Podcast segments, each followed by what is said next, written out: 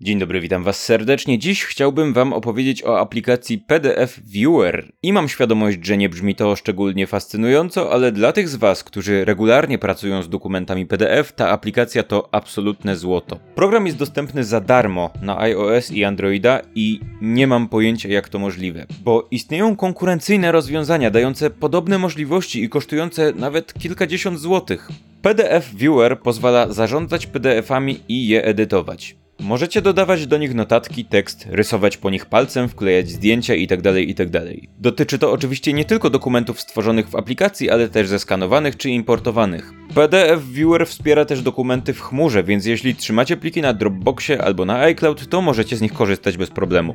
Jesteście też w stanie zapisać wszystkie swoje notatki i zaznaczenia czy baskroły w formie standardowego dokumentu, co oznacza, że oczywiście możecie je przesłać dalej komuś, kto nie korzysta z PDF Viewera i ten ktoś będzie w stanie normalnie je odczytać. Do tego na uwagę zasługuje design aplikacji. Jest prosty, ale elegancki, zgrabny, czytelny, cudowny. I po raz kolejny, to nie jest aplikacja, która ma być ekscytująca. To narzędzie służące do pracy z dokumentami, ale jest pięknie zaprojektowane, użyteczne i jakimś cudem darmowe.